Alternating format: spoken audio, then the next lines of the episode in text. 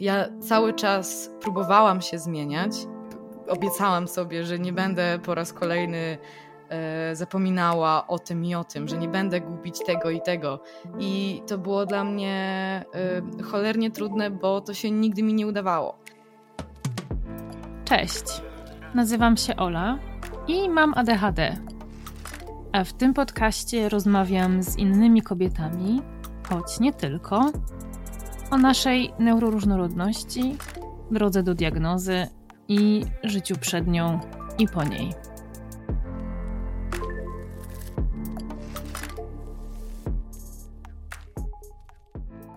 Dzisiaj moją rozmówczynią jest 22-letnia Ania Rejman, zajmująca się szeroko pojętą sztuką wizualną.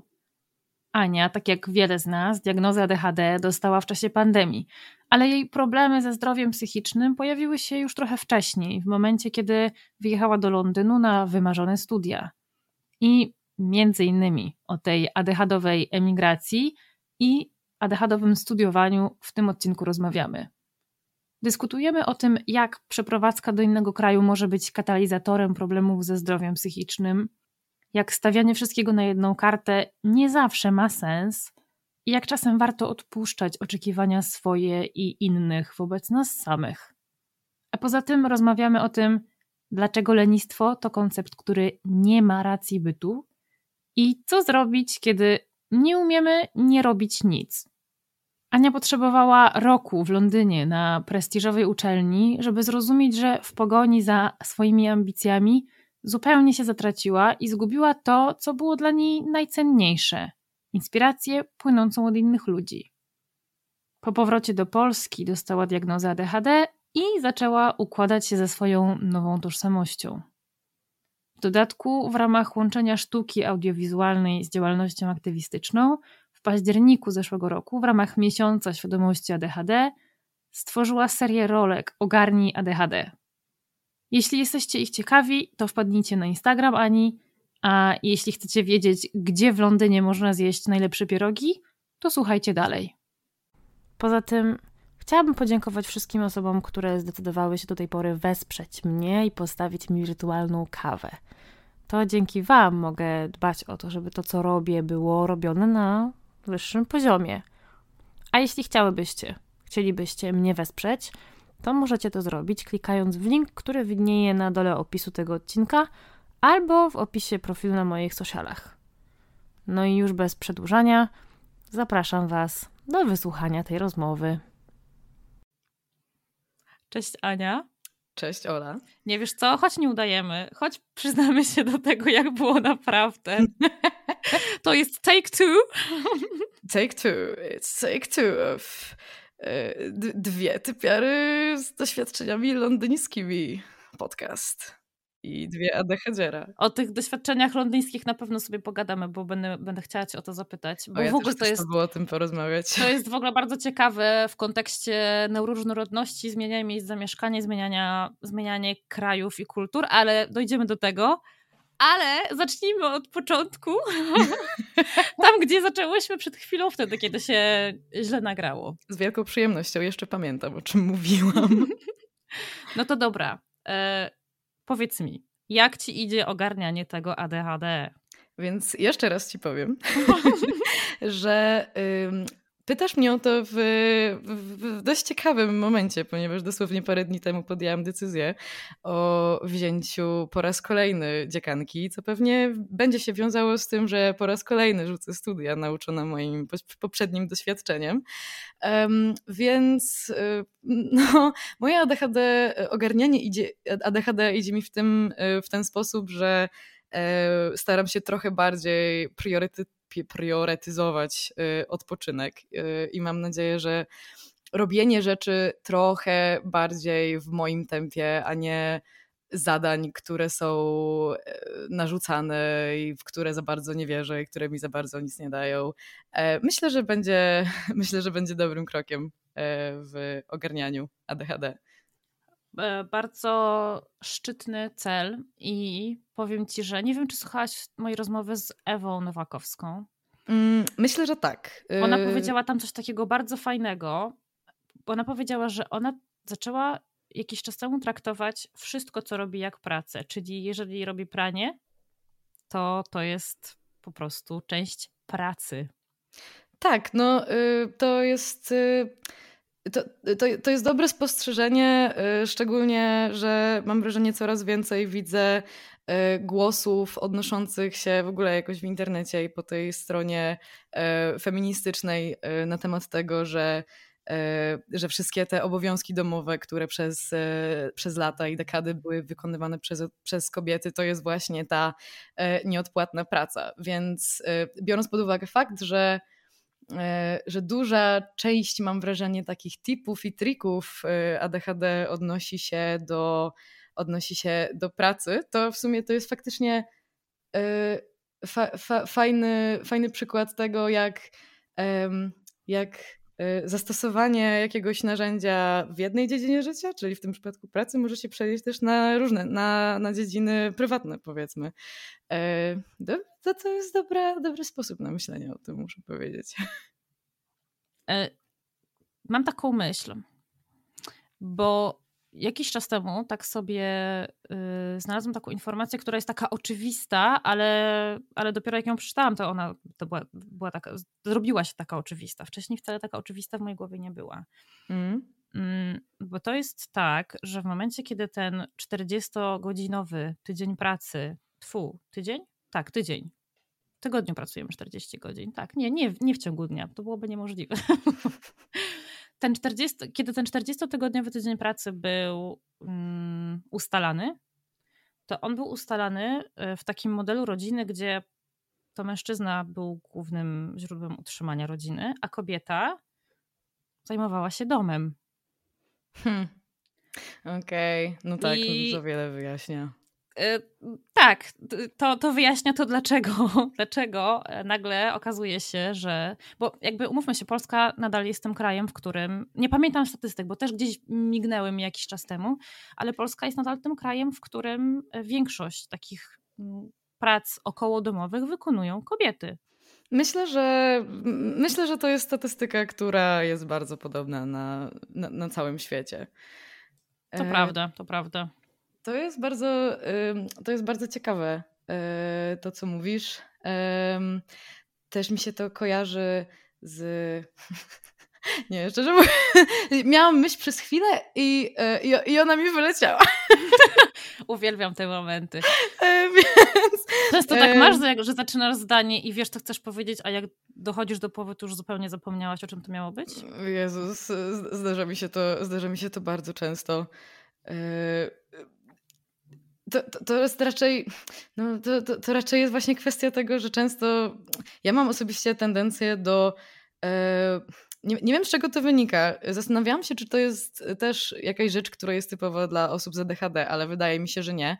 E, że jak rozmawiam z jakąś osobą, e, to w momencie, kiedy ona mówi, to totalnie jestem w stanie się na niej skupić, a przynajmniej jeżeli chodzi o ten kontakt wzrokowy, bo to, co się dzieje w głowie, to czasami jest inna sprawa, ale, ale jestem to w stanie łatwiej zatuszować. Ale właśnie w momencie, kiedy ja coś mówię do tej osoby, to mm, zupełnie nie umiem patrzeć jej w oczy, tylko e, po prostu muszę skakać jakoś z miejsca na miejsce wzrokiem, I nie wiem, czy to jest kwestia tego właśnie, że, że jakoś mój mózg po prostu podświadomie jakoś analizuje otoczenie, nie wiem, e, jakieś pozostałości z prehistorycznych czasów, kiedy musiało się stale jakoś pilnować zagrożenia, ale, e, ale to jest taka, taka rzecz, która, mm, na którą często zwracano mi uwagę w, w, w dzieciństwie i no i to mi trochę niestety zostało do teraz. I o ile jeszcze tak wracając do Twojego pytania poprzedniego, to ogarnianie ADHD, to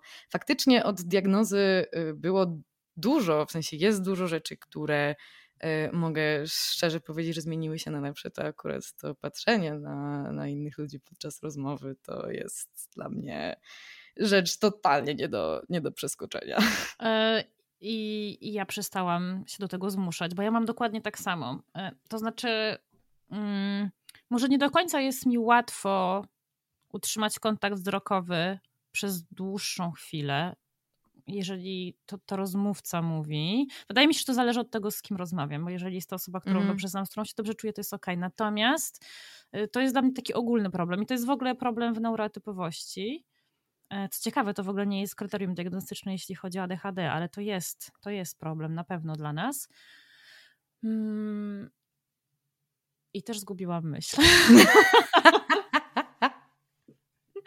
E, no to możemy od razu porozmawiać właśnie e, o tym wątku, który sama zaczęłaś, czyli o tym, o tym zmienianiu miejsca zamieszkania i robieniu jakichś, wydawać by się mogło, ogromnych zmian w życiu, które czasami mogą się wydawać irracjonalne, to by się wydają racjonalne i, i, później, i później różne rzeczy z tego wychodzą. Tak, ale poczekaj, bo ja jednak mimo wszystko chciałabym, żebyś mi opowiedziała mm. o mhm. tym, jak to się stało, że ty tę diagnozę ADHD w ogóle dostałaś, bo to pewnie w jakimś stopniu się z tą historią trochę łączy? Mm, ciężko powiedzieć, co tutaj jest jakiem, to tutaj jest kurą. dlatego, że yy, już wracając do samych początków, yy, no to w dzieciństwie, wiadomo, gifted child, y, osoba, która jest y, wszechstronnie utalentowana, y, zawsze najlepsze oceny. Też przy okazji moja mama była pedagogiem w tej samej podstawówce, do której ja chodziłam, więc naturalnie ona też mnie pchała do tego, żebym wykonywała różne inicjatywy szkolne, nie wiem, no, śpiewanie, granie, jakieś rysunki. Generalnie zawsze byłam tą osobą humanistyczną i i, i, i, i dużo właśnie takich takich mierzalnych powiedzmy sukcesów w stylu dyplomy, nagrody i tak dalej w różnych dziedzinach. No ale była to też druga strona, y, Ania tak zwana roztrzepana, roztargniona, czyli y, wieczne gubienie rzeczy, taka jakaś niezdarność, zapominanie czegoś do szkoły, ja przez y, całą podstawówkę chodziłam do szkoły muzycznej i ślęczenie nad pianinem w jednym miejscu przez, e, przez, przez parę godzin to po prostu było dla mnie udręką. E, no i przez to, że z jednej strony, no, mimo wszystko skupiałam się na, tym, na tych negatywnych komunikatach. No, cały czas słyszałam dosłownie to ogarnij się. E, czy niezależnie od tego, czy to byli dorośli, czy to byli dziećmi, no to wszędzie to słyszałam. No i szczególnie y, jak poszłam do liceum, bo w liceum już byłam, y, szłam do liceum do innego miasta i już mieszkałam w mieszkaniu, zauważyłam, że problemy z bałaganem z kolei, które mam, e, są dużo większe y, niż myślałam w momencie, kiedy się porównywałam do innych ludzi, szczególnie do swoich współlokatorek, które po prostu strasznie na mnie narzekały. No i doprowadziło to do takiego nawet stopnia, że prawie mnie wyrzuciły z mieszkania za. Wow za, za, za to, że po prostu tak bardzo było mi trudno. Jedna współlokatorka, która mieszkała ze mną w pokoju, też po prostu w pewnym momencie zniknęła i się nie pojawiła, bo ją tak bardzo wkurzałam. E, więc e, to był też ten moment, kiedy stałam się bardzo no, ba bardzo gorzko wspominałam, bardzo gorzko myśl zaczęłam myśleć o sobie pod tym względem. I i niezależnie później od tego, od tego, z kim mieszkałam, no to ten, ta, ta kwestia bałaganu e, bardzo, mm, że tak powiem, naruszała y, moją samoocenę. No i, i inna kwestia, która trochę jest powiązana z moim niezdiagnozowanym ADHD, to właśnie ta potrzeba jakiejś różnorodności w aktywności, które robię i wewnętrzny bunt y, wobec tych takich standardów, y, standardów życia przyjętych w społeczeństwie, czyli że od razu po e, szkole musisz iść na studia, które będą e, powiedzmy najważniejszą częścią e, Twojego życia i będziesz i, i, i musisz po prostu siedzieć nad książkami. No ja wiedziałam, że ja nie mogę iść na studia, które, e, które które będą ode mnie tak wymagały, bo mimo tego, że no już w liceum to jednak dużo, z, dużej ilości przedmiotów y, ściągałam, e, no to nie. Y, no i znowu y, zobaczyłam skarpetkę na moim stole przy laptopie i się Studia, studia, wymagające studia. Wymagające tak, studia. tak, więc ja sobie wymyśliłam, znaczy niestety też trochę wpadłam w tę pułapkę. Um, bo wiedziałam, że no, mam tendencję już od, od najmłodszych lat do tego, żeby moje pasje i moje umiejętności, moje hobby e, przemieniać trochę coraz bardziej właśnie w pracę. I myślałam, mimo tego, że no też jako osoba z klasy humanistycznej było mi mówione, że, że humaniści zbyt wiele nie osiągną w życiu i tak dalej, no to jednak postanowiłam, że, no, że będę w to iść i co więcej, właśnie przez to, że wpadłam w tę pułapkę takiej różnorodności, chciałam bardzo, żeby moje studia yy, zakrywały o jak największą ilość moich zainteresowań, jak to jest możliwe. E, więc dlatego właśnie przez to, że nie mogłam znaleźć, przez to, że nie mogłam znaleźć jakichś studiów odpowiadających mi e, w Polsce, to uznałam, że dobra, znalazłam jakieś tam studia w Londynie, też miałam całkiem sporo znajomych w Londynie. Uznałam, posłucham swoich chorych ambicji e, i spróbuję i spróbuję tam, bo byłam jakoś przekonana o tym, że właśnie jeżeli studia, no to no to raczej nie w Polsce, jeżeli to, jeżeli właśnie studia mają być moim, e, moim kluczem złotym do, e, do, do, do, do, sukcesu, a szczególnie studia w Londynie, naprawdę prestiżowe, sertetata. No właśnie, co to były za studia? Y, to były komunikacje medialne na y, University of the Arts w, w Londynie. No, akurat ja byłam na takim e, kampusie, kampusie, który się nazywał London College of Communication i... Gdzie on jest w Londynie? Y, na Elephant and Castle. A, okej. Okay. Tam UAL generalnie, no to jest jeden uniwersytet, który ma sześć kampusów. Um, jest ten College of Communication, czyli mój, który jest Kiedyś był to London College of Printing, więc to była taka, najpierw to była szkoła, która była poświęcona e, właśnie grafice, sztuce drukarskiej, też trochę, mm, trochę dziennikarstwu. Teraz y, od parunastu lat no, coraz bardziej jest jednak nowocześnie i skupiają się również na tym filmie, fotografii, takich bardziej nowoczesnych form mhm. audiowizualnych, ale też tam jest jakieś tam dziennikarstwo czy coś. E, są trzy jakieś koledże z takich e, sztuk nie wiem, takich sztuk tradycyjnych, jakieś rzeźba czy coś. On jest w Camberwell, Wimbledon, nie pamiętam już aż tak bardzo, jakie tam były. No i London College of Fashion, więc tam jest dużo fashion. No i jest jeszcze e, Central St. Martins. E, no więc tak naprawdę, no wydawała mi się to bardzo kusząca wizja, bo myślałam o tym, że pomimo tego, że no, to jest sześć kampusów, no to że, że ta że ten dostęp do tak różnorodnych dziedzin sztuki pozwoli mi również, y, pozwoli mi również poznać innych ludzi z tych, y, mhm. z tych różnych dziedzin sztuki. No ale mm, mogę powiedzieć, że to jest właśnie wstęp do tego, że ten rok w Londynie jednak nie był aż tak. Y, znaczy, no tak, no bo ogólnie rzuciłam studia po roku. E, I było to spowodowane tym, że po pierwsze zaczęłam tęsknić za Polską, a szczególnie za Warszawą. E, nie jestem z Warszawy, ale mam bardzo duży sentyment do tego miasta i, um, i zaczęło mi też brakować dostępu do polskiej kultury. Pamiętam taki bardzo kuriozalny moment, jak po pół roku w Londynie. Przy czym jeszcze dodam, że ja nigdy wcześniej, zanim się przeprowadziłam do Londynu, to w nim nie byłam.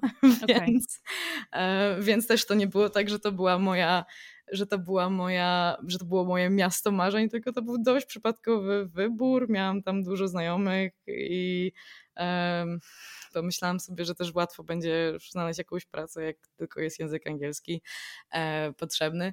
No i, um, no i okazało się, y, że y, okazało się, że znowu zgubiłam wątek. um, A, tak, y, właśnie. Y, y, chciałam po prostu taką jedną anegdotkę opowiedzieć o tym mhm. moim, o, o tak, pamiętam takim bardzo, takim momencie, kiedy po raz pierwszy na ziemi angielskiej poczułam się patriotką. To był ten moment, gdy no już mieszkałam przez pół roku, właśnie trochę, trochę zaczęłam czuć, że mm, po pierwsze nie za bardzo tam znajduję y, jakichś znajomych, którzy by mi odpowiadali, nie za bardzo też y, ja też musiałam y, pracować w, w, restauracji, żeby się w ogóle y, utrzymać jakoś, więc Jakby było... nie było, studia w tym kraju są cholernie drogie. No tak, y, studia są cholernie drogie, no i życie też jest cholernie drogie dla kogoś, kto, drogą, tak. ko, dla kogoś, kto dla znaczy, no, tacy typowi polscy studenci, mam wrażenie, którzy studiują za granicą, jest jednak no, bardzo duża część z nich, którzy wydaje mi się mają um, powiedzmy ich kariera studencka w Londynie wygląda dość podobnie w większości przypadków. Mam na myśli to, że, e, że zazwyczaj mają bogatszych rodziców, którzy mogą po prostu w całości utrzymywać, albo te osoby po prostu potrzebują jakąś pracę dorywczą na na weekend mieszkają w akademiku, bo uniwersytet zapewnia akademik, albo mają jakieś bardzo łatwe dostępy do stypendiów. Natomiast w przypadku um, szkoły artystycznej, jaką jest UAL, tak nie było, ponieważ nawet jeżeli akademiki były, to były cholernie drogie mm. i były w jakichś chorych lokalizacjach, więc nie dość, że musiałabym płacić chore pieniądze za akademik, to jeszcze bym musiała dojeżdżać codziennie powiedzmy z drugiej, trzeciej strefy, co również jak ty pewnie wiesz, jest kosztowne w Londynie. Tak.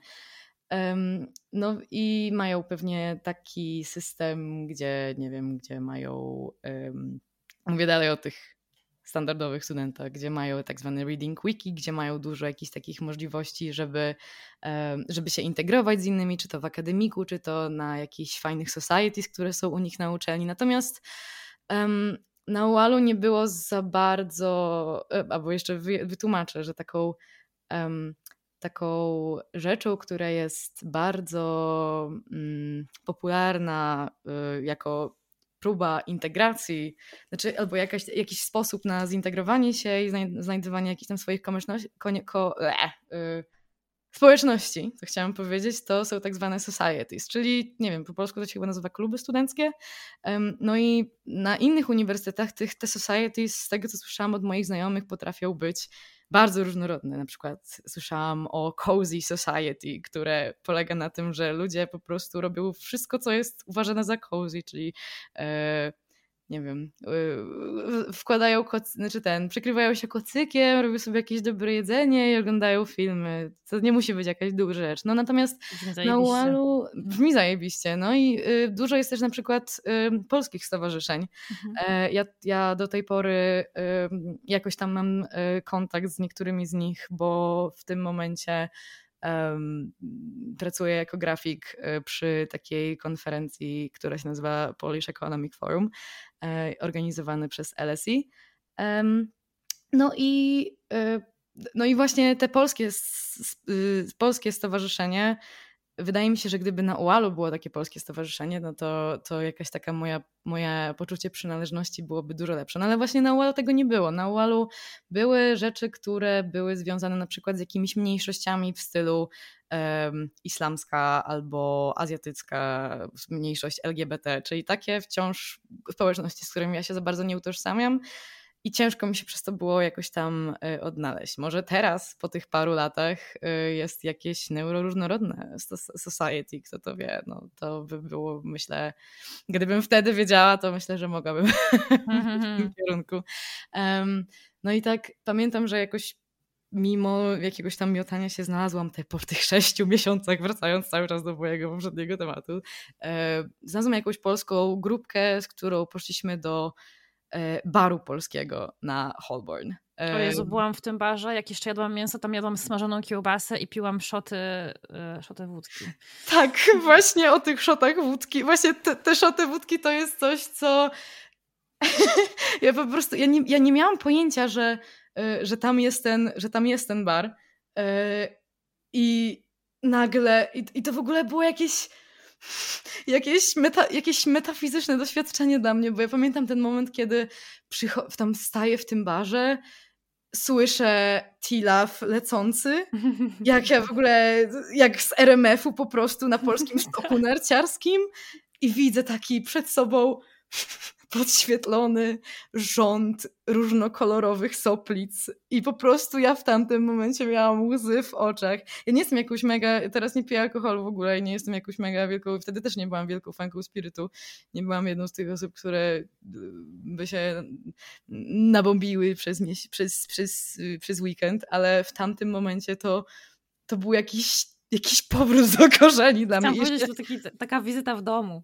Tak, trochę, trochę tak. I jeszcze mój kolega, e, który powiedział, e, poproszę do, do, barmera, do, bar, do e, barmana, powiedział po polsku, poproszę śledzika i dwa szoty wódki. I to było dla mnie jak, jak po prostu jakby, jakby jakby jakiś polski Pan Jezus przeszedł gołą stópką po prostu po moich uszach, no to, to, to było takie, takie uczucie. Naprawdę nie sądziłam, że mogę powiedzieć, że jestem patriotką, w tamtym momencie E, to poczułam. Dobra, a czy byłaś kiedyś w tym centrum kulturalnym na Hammersmith? Oj, Hammersmith to są, to, to są średnio znane mi rejony. Dobra, to tam jest takie centrum kulturalne i ja tam zabieram wszystkich moich bliskich, zagranicznych znajomych, którzy z Polską nigdy nie mieli wcześniej nic wspólnego, bo tam w soboty są, uwaga, uwaga, dancingi. To znaczy, normalnie wiesz, rezerwujesz sobie stolik w restauracji, bo to jest restauracja, tam jest, tam jest mnóstwo rzeczy, ale na, chyba na drugim piętrze jest restauracja. Mhm. Rezerwujesz sobie stolik w tej restauracji, normalnie jesz sobie kolację.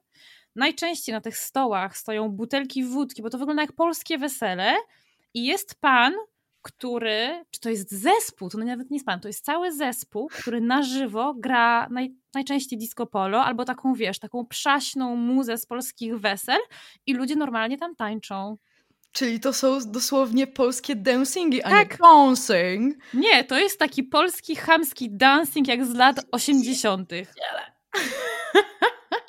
tak. To, to jest dopiero przecież. Mało tego, panie kelnerki rachunki wypisują ręcznie. Jejku.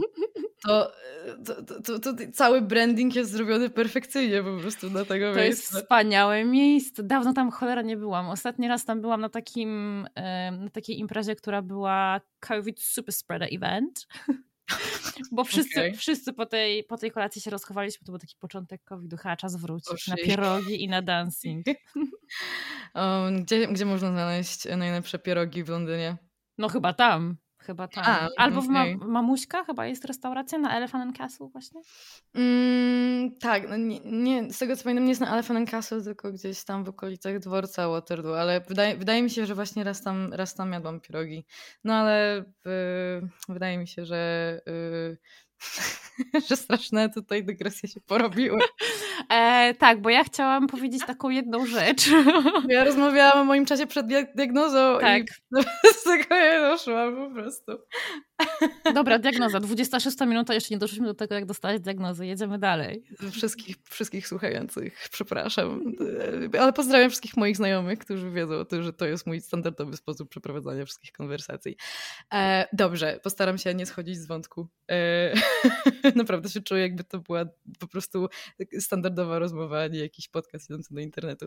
E, no to tak. Y, long story short, no właśnie wiedziałam o tym, że ten epizod londyński to nie było to i wiedziałam o tym, że muszę wrócić do Polski, y, bo no też generalnie podczas tego mojego pobytu w Londynie, no ja, to był taki moment, kiedy ja y, po raz pierwszy tak mocniej podupadłam na zdrowiu psychicznym, tak naprawdę już po paru miesiącach, właśnie ze względu na to, że wykonałam bardzo duży krok i nie umiałam go za bardzo cofnąć.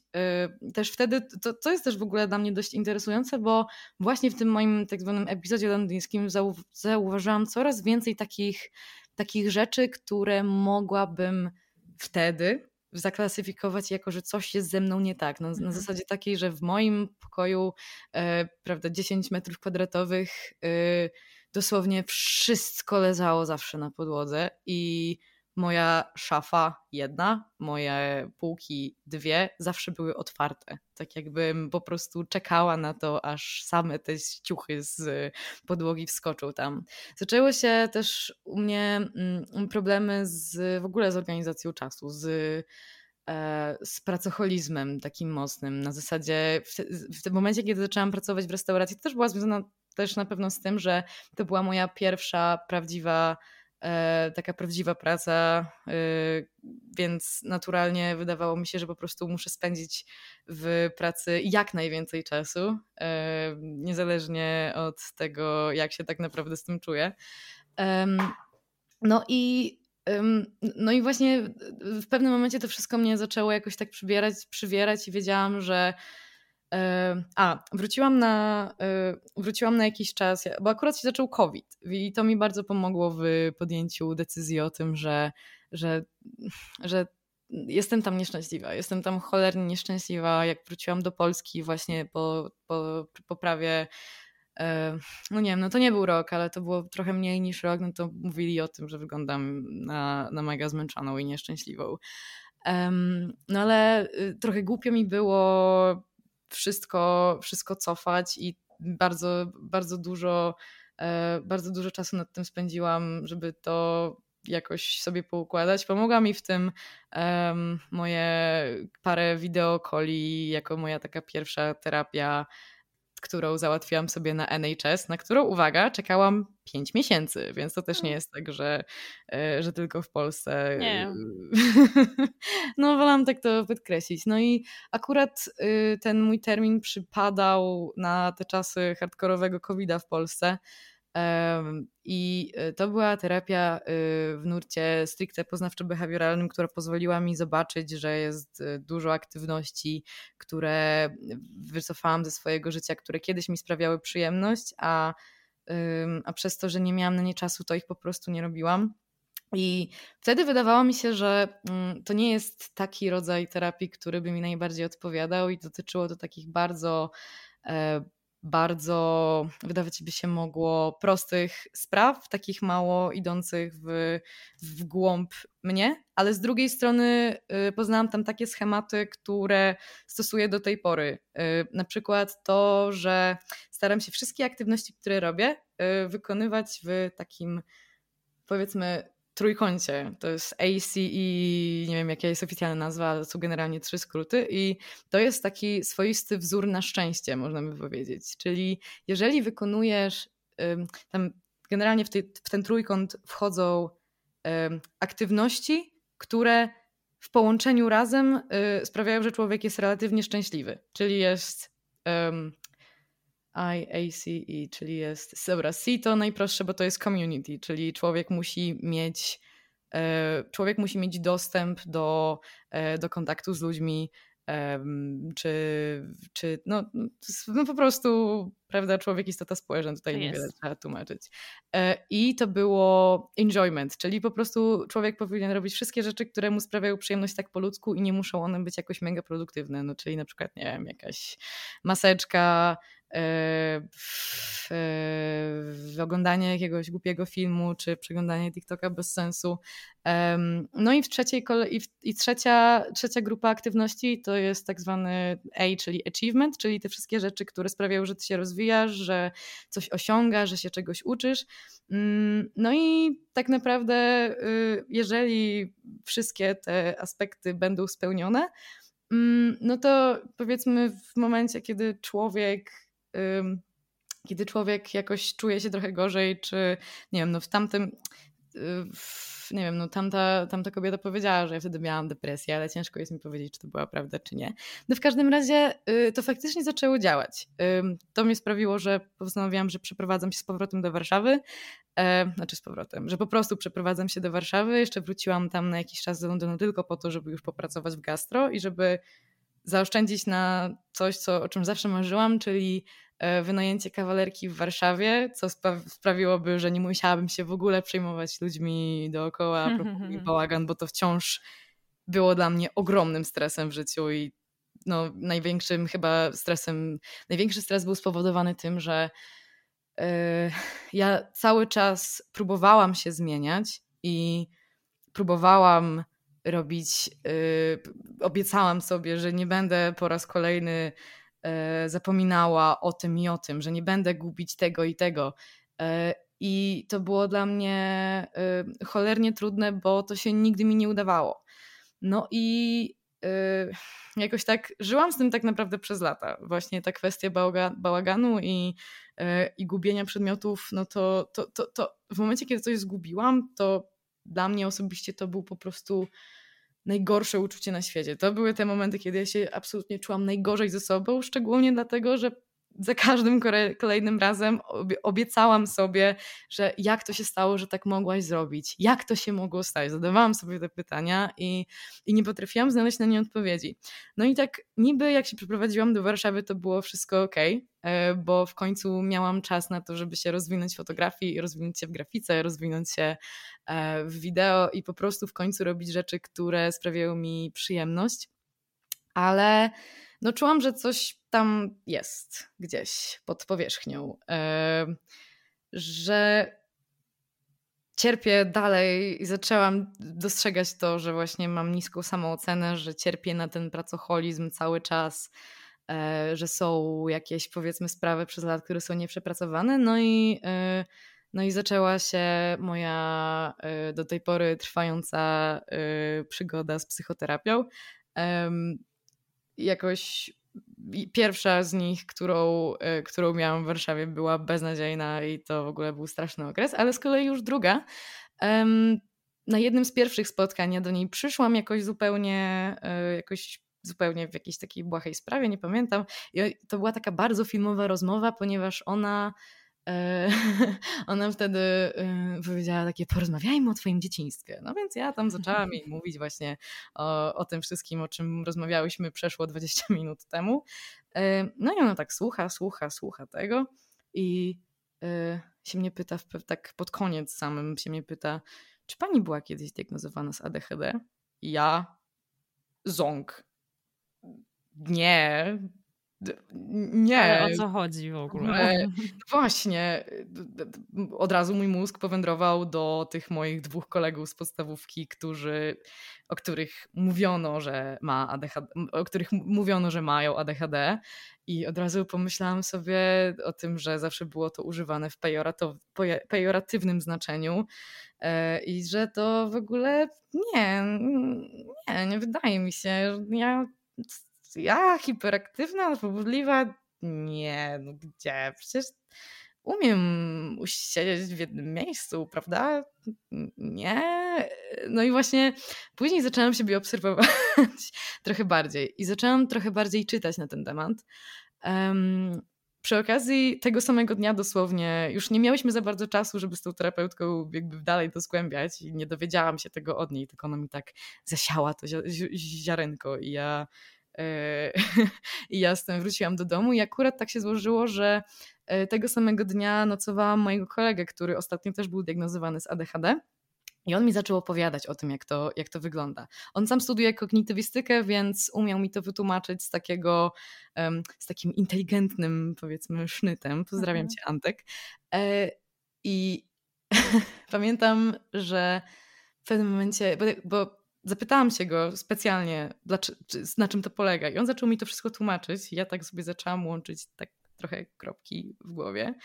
Um, się mnie zapytał w pewnym momencie, dobra, no to bo zaczęłam, bo potem powiedziałam mu, że mm, wydaje mi się, że coś może być na rzeczy, że to mogę też być ja. No i się mnie zapytał, no dobra, no to w takim razie, czy to, co widzisz przed sobą, y, to jest to jest bałagan, czy to jest zorganizowany chaos? I ja tak pomyślałam, bo oczywiście mój pokój nie był w najlepszym wtedy e, stanie, ale no powiedziała, nie no oczywiście, że to jest, e, że to jest zorganizowany chaos, bo mimo tego, że wszystko jest po prostu na wierzchu, to ja doskonale wiem, gdzie co jest i w ogóle nie mam z tym problemu. I on tak się uśmiechnął do mnie i powiedział, hmm, no to może, może powinnaś dalej zgłębiać ten temat. Co faktycznie zaczęłam robić. No i e, zajęło mi to jakoś tak miesiąc, żeby, żeby jakoś dowiadywać się i czytać o tym i oglądać filmy. Po dwóch miesiącach umówiłam się na, e, na oficjalną diagnozę, ponieważ jak się okazało, mój kuzyn, z którym się spotkałam, e, też został zdiagnozowany z ADHD, więc on mi polecił, on mi polecił jedną terapeutkę z Warszawy, i no tak naprawdę to, to, to, to diagnoza nie zajęła jakoś długo, bo dla, dla, dla niej um, dla tej terapeutki, która sama też swoją drogą miała ADHD, ona powiedziała, no, że dla niej to w sumie jest tak oczywiste, że właściwie ona nie ma aż tak dużo pytań.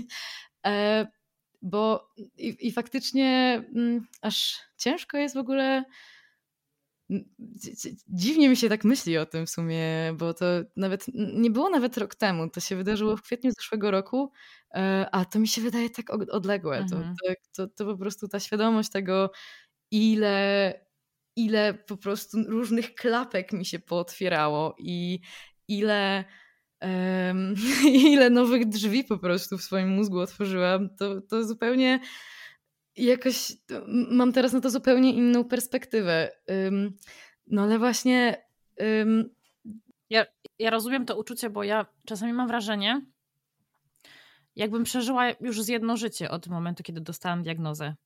Że z jednej strony to też było mniej więcej jakoś rok temu, a z drugiej sobie myślę, że jak to tylko rok? Że przecież raz, mm. że mhm. tyle się wydarzyło, a dwa, że ja po prostu tyle zmieniłam w swoim życiu dzięki tej diagnozie na lepsze, że to niemożliwe, że to było tylko rok temu.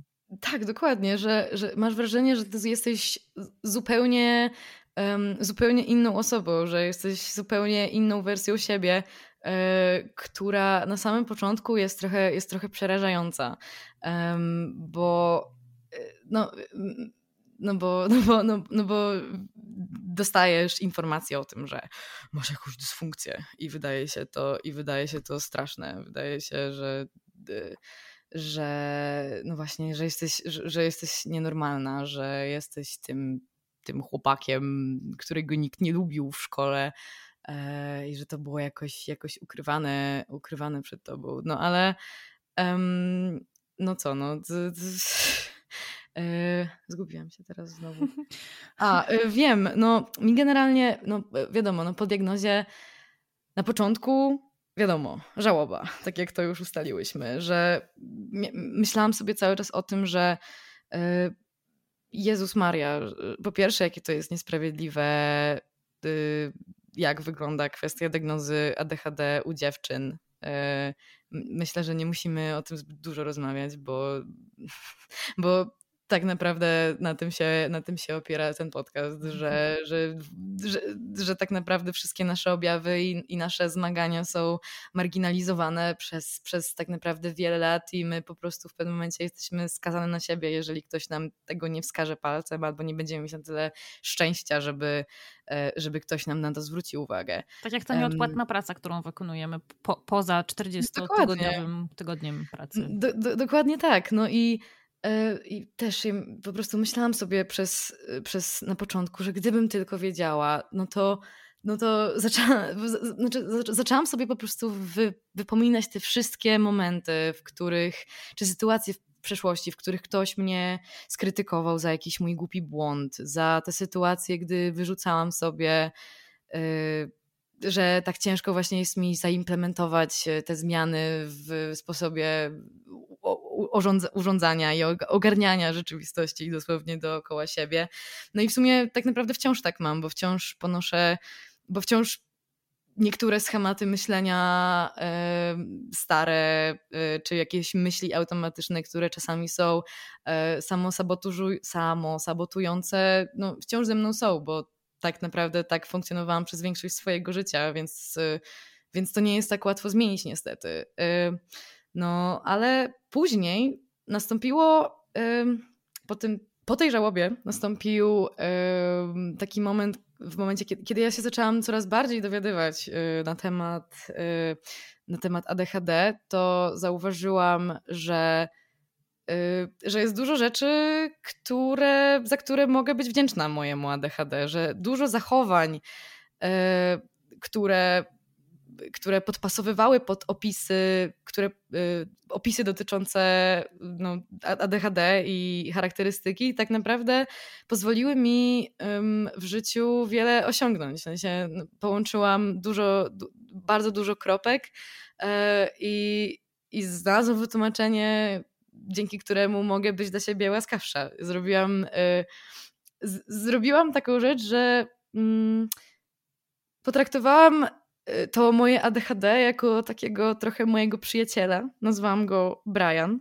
prawda? Bo brain i dosłownie i, i, po prostu wszystko co, wszystko co złe i które wiem, że wynika z ADHD zwalam na Briana, bo na przykład jak coś mi się znowu zgubi, no to mówi kurwa Brian i to nie wiem, ktoś mi jak, jak, jak robiłam właśnie serię o ADHD na Instagramie, to ktoś mi zwrócił uwagę, że to jest prosta droga do, e, do dwubiegunówki, ale, e, ale właśnie dlatego zwalam wszystko co złe na Briana, wszystko co dobre faktycznie jestem w stanie sobie przypisać. W sensie, no, e, zrozumiałam e, bardzo dużo, skąd e, u mnie wynika to, że nie mogę siedzieć w jednym miejscu, ale również w jakiś dobry sposób mogę to wykorzystać, że nie umiem siedzieć w jednym miejscu i to, że nie umiem robić jednej rzeczy przez długi czas. Więc po prostu starałam się znajdować jak najwięcej takich elementów, które właśnie mogę przekuć w dobrą stronę tego ADHD, że to raczej jest moja supermoc, aniżeli aniżeli dysfunkcja i, i że tak naprawdę y, że tak naprawdę zamiast myśleć o, o ADHD jako o dysfunkcji, myślę, że można by się pochylić nad kwestią tego, czy z przyjętych w społeczeństwie standardów aż tak duża część tego społeczeństwa cier cierpie korzyści, bo, bo, prawdopodobnie, bo prawdopodobnie to nie. Więc właśnie myśląc o tym, staram się traktować ADHD dobrze. No i teraz już jestem dla siebie łagodna, dostałam te leki.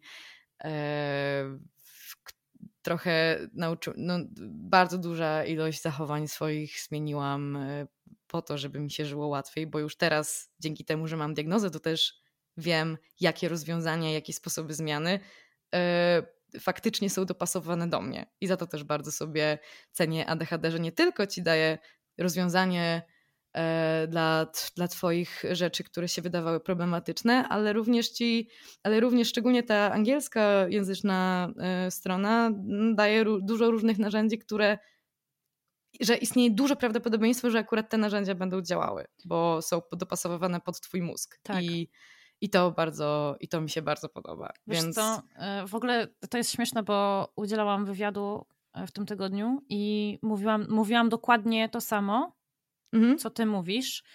Tylko, że ja mam wrażenie, że. Bo jak ja słucham sobie tych anglojęzycznych treści na ten temat, mhm. Mm, to tam się bardzo często pojawia taka narracja, właśnie, żeby się bardziej, żeby pochylić się nad tym, co to ADHD nam daje, albo nawet niekoniecznie co to ADHD nam daje, ale żeby się pochylić nad, pochylić nad tymi naszymi mocnymi stronami, które mogą wynikać, wiesz, z naszego temperamentu, z naszej osobowości, z jakichś naszych talentów i żeby z tego czerpać, Mm? E, przy okazji zdając sobie sprawę z, z pewnych ograniczeń, które z naszego ADHD wynikają. E, I, I tam dużo jakoś tak przychylniej patrzy się na tę narrację związaną z supermocami. Natomiast w Polsce jest jakaś taka straszna nagonka na to. Ludzie jakoś tak bardzo nie lubią myśleć o ADHD jako czymś, co może nam coś dobrego dawać. My tak lubimy się skupić na tym cierpieniu, które z niego wynika. No, polska martyrologia, wiadomo. Ale naprawdę mam wrażenie, że mam wrażenie, że ten dyskurs jest zupełnie inny. Mm, I, I naprawdę bardzo skupiamy się na tych ograniczeniach, a za mało skupiamy się i za mało mówimy o tych pozytywnych stronach albo o tym, co, co można w te pozytywne strony przekuć. I powiem ci, że po jednej z moich ostatnich rozmów z kobietą, która bardzo fajnie mówiła o tym, jak ona to swoje ADHD pokochała, ze wszystkimi jego wadami i zaletami. Mhm. Dostałam komentarze o tym, że ten odcinek miał być o smutku, a tutaj jakaś baba siedzi i opowiada, że jest jej dobrze w życiu. O nie, to straszne, ktoś ma dobrze w życiu. Na pewno ma lepiej ode mnie, nie mogę, nie mogę tego wytrzymać. No to jest. Yy... Ciężko jest mi powiedzieć, czy to jest aż taka polska przypadłość. No to się tak mówi o tym, że, że, że właśnie o Jezu, sąsiad ma, ma, ma dobre auto, a, a ja nie mam i tak dalej. No wydaje mi się, że to w ogóle y, jakakolwiek, y, jakakolwiek duma z tego, że jest się innym y, jest w Polsce niezbyt dobrze odbierana. Myślę, że to też. Y, ja bardzo dużo sobie myślę ostatnio o tej kulturze zapierdolu, ze względu na to, że no, leczę się z tego pracoholizmu, który również jest uzależnieniem od pracy i warto o tym pamiętać i warto pamiętać o tym, że pracoholizm to również jest problem. Tutaj mówię tak do, do, do widowni, bo dla mnie osobiście to było dość zaskakujące, jak mi to moja przyjaciółka powiedziała, więc chciałam, żeby to wybrzmiało. Tak, zwłaszcza dla nas, bo my często robimy, robimy rzeczy, które lubimy, a tutaj ta granica między pra pracowaniem ponad normę, a pracowaniem w normie jest bardzo, bardzo cienka. Tak, wydaje mi się, że to, że, że to może być takie frustrujące dla ludzi, że osoby z ADHD mają większe skłonności i tendencje do tego, żeby po prostu, żeby po prostu robić rzeczy, które sprawiają im radość i mają dużo większą niezgodę na to, żeby żeby właśnie robić rzeczy, które są im narzucane i to po prostu drażni ludzi, bo no, no większość ludzi jest, y, jest, jest w tym schemacie e, zamknięta, w tym schemacie, który właśnie każe spędzać po prostu niebotyczne ilości godzin na uczelni, w pracy, e, słuchać, e, słuchać ludzi starszych, którzy myślą, że wiedzą lepiej od ciebie E, a mniej robić rzeczy po swojemu. I to wydaje mi się, że jest, e, że jest frustrujące, bo ludzie nie są na tyle odważni, żeby często, żeby zmieniać swoje żeby zmieniać swoje nawyki, bo no to, to, to wymaga bardzo, znaczy ja, to, ja też to rozumiem, no bo um, no bo podpasowywanie życia pod, pod Twoje potrzeby i Twój mózg, a nie dopasowywanie się do E, do standardów innych wymaga dużej ilości odwagi i no i e, nie, nie mam na to jakiejś złotej recepty. No ja też, ja, ja też e, cały czas próbuję, próbuję odnajdywać się w tym work-life balance i wychodzi mi to raz lepiej, raz gorzej. Um, ale y, nie wiem, może, może ja ci, może, może ty mi przerwiesz, bo ja mam wrażenie, że ja właśnie... Nie, ale wiesz co, bo ciekawi mnie jedna rzecz. Tak hmm? a propos tego, o czym rozmawiamy i w kontekście tego, że studiowałaś i za granicą, i w Polsce, bo ja jestem bardzo hmm? ciekawa. Mam jakby oczywiście, mm, mam znajomych, którzy studiowali tu, bo stąd są, ale też oni nie znają realiów polskich, więc, hmm? więc chcę to usłyszeć od ciebie. Czy rzeczywiście studiowanie w Wielkiej Brytanii jest bardziej przyjazne człowiekowi niż w Polsce? Mm, yy, to jest ciekawe pytanie. Yy, myślę, że w jakimś stopniu na pewno tak, bo yy, na angielskich uczelniach jest dużo mniej godzin. I to jest bardzo, bardzo dużo mniej godzin zajęć. Mhm. Ja w pewnym momencie miałam ich tylko 8, podczas gdy często moi znajomi w studiach, na studiach w Polsce mają tych godzin 8 w ciągu dnia. Zwłaszcza na pierwszym roku. Tak, zwłaszcza na pierwszym roku. I to też y, wydaje się to dość mało, ale z drugiej strony to mi się akurat podobało, że, y, że nie traci się czasu w w, w Anglii na uczenie się, że tak powiem, byle główna. No, mhm. w sensie, że y, nie ma jakichś tam WF-ów ani statystyk dla humanistów i Bóg wie co jeszcze, o czym jeszcze mówili moi znajomi w, na uczelniach publicznych, jakichś absurdach totalnych. Y, tylko, że faktycznie mm, no, jeżeli powiedzmy, no jeżeli ktoś nie pracuje, tylko faktycznie ma dużo czasu wolnego, no to znaczy, no, ta, ta ilość, mało, mała ilość godzin pozwala faktycznie na posiadanie dość dużej ilości czasu wolnego i, e, i myślę, że to na pewno jest rozwijające, kiedy człowiek e, ma czas po prostu na rozwijanie siebie tak jak chce. No u mnie to nie działało, dlatego że większość, większość czasu i tak spędzałam w pracy, no ale to jest na pewno jedna kwestia, która pomaga. E, druga kwestia to, e, to też faktycznie takie proaktywne podejście do e, do studenta od strony, od strony akademickiej. To znaczy, faktycznie program zajęć, y, w sensie nauczyciele faktycznie bardzo cenili nasz feedback i była faktyczna struktura taka uczelniana z, z organizowaniem spotkań, y, z poszczególnymi przedstawicielami, które służyły tylko i wyłącznie temu, żeby, żeby zbierać feedback od studentów i żeby omawiać poszczególne poszczególne elementy studiów, nie tylko jeżeli chodzi o program, ale w ogóle o atmosferę, o jakieś kwestie y, remontu mhm. kibla mhm. na trzecim piętrze. Y, i program się potrafił zmieniać z roku na rok, czy nawet, nie wiem, kwestia jakiegoś tam jedzenia na stołówce, co tam komuś tam nie pasowało. Więc, yy, więc, więc do tego się absolutnie nie mogę przyczepić. A co jak więcej, wyglądają egzaminy? ja nie miałam egzaminów, bo. Nie zdążyłaś? bo ja. To po pierwsze, że nie zdążyłam, a po drugie, że ja byłam też na takiej uczelni, która. Um, no, która właśnie nie była taką standardową y, uczelnią, bo my mieliśmy raczej my mieliśmy zaliczenia raczej w formie jakichś tam projektów, które zazwyczaj, szczególnie, że to był taki pierwszy rok, no to ten feedback, który my dostawaliśmy, on, on nie był jakiś, jakiś spektakularny e, nie, i nawet nie był jakiś bardzo krytyczny, czy pozytywny, czy negatywny, tylko tam było dosłownie parę zdań to było na takiej zasadzie pass or fail, nie dostawaliśmy to żadnych ocen, no i no, większość generalnie przechodziła, bo mm, no to jest też właśnie fajne, że, yy, że akurat Y, ta nasza, y, ta nasza uczelnia y, pozwalała, mam wrażenie, robić właśnie trochę, trochę jakby wy, wy, wyrazić tą swoją kreatywność ze względu właśnie na to, że e, bardzo często nie mieliśmy znaczy w ogóle akurat na, jak ja tam byłam, nie wiem jak było później, bo zbyt szybko stamtąd uciekłam, mhm. ale że faktycznie daje duże pole do, do, do, do własnego twórczego wkładu i nie mają takiego wąskiego pojmowania e, sztuki, jak powiedzmy na, na uczelni w Polsce. No teraz jestem na Warszawskiej Szkole Filmowej, no i, e, i pod tym względem e, mogłabym się, mogłabym się trochę, trochę do tego przyczepić. Ale, ale nie wiem, jakoś, ja, jakoś boję się konsekwencji dla mnie, jak publicznie mówię o rzeczach.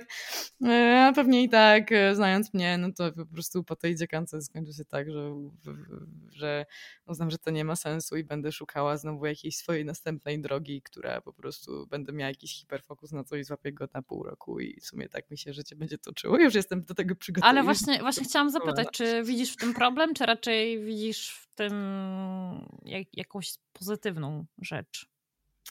Wydaje mi się, że ja się trochę zaczęłam z tym utożsamiać. W sensie, yy, nie wiem, no to wszystko, co do tej pory osiągnęłam w życiu pod względem pracy, yy, zrobiłam to tak naprawdę bez studiów. Yy, w sensie, no, dla tych, którzy mnie nie znają, nie wiem, jakie są generalnie, jakie są tutaj generalnie standardy przedstawiania, no ale e, głównie pracuję na freelancie, e, robię sesje zdjęciowe, e, czasem jakieś relacje wideo, identyfikacje wizualne. Generalnie się poruszam w strefie foto, wideo, grafiki. No i ja kocham, e, ko kocham te nowoczesne sposoby nauki, kocham internet za to, że e, tak naprawdę wszystko jest dostępne w internecie. Jeżeli ma się wystarczająco dużo samozaparcia, a, a ja mam, bo, e, bo wydaje mi się, że ADHD dość szybko pokazało mi, że, że ja nie mogę polegać na, na takim układzie przerw, y, lekcji i tak dalej, który, który panuje ogólnie na uczelniach i szkołach, w sensie, że się faktycznie strasznie dużo czasu traci, że ja nie mogę sobie na przykład, nie wiem, jak ktoś, jak ktoś mnie zainteresuje, to nie mogę sobie podejść do okna i popatrzeć na to, tylko muszę siedzieć w jednym miejscu i udawać, że, i udawać, że słucham, jest to dla mnie mega niekomfortowe.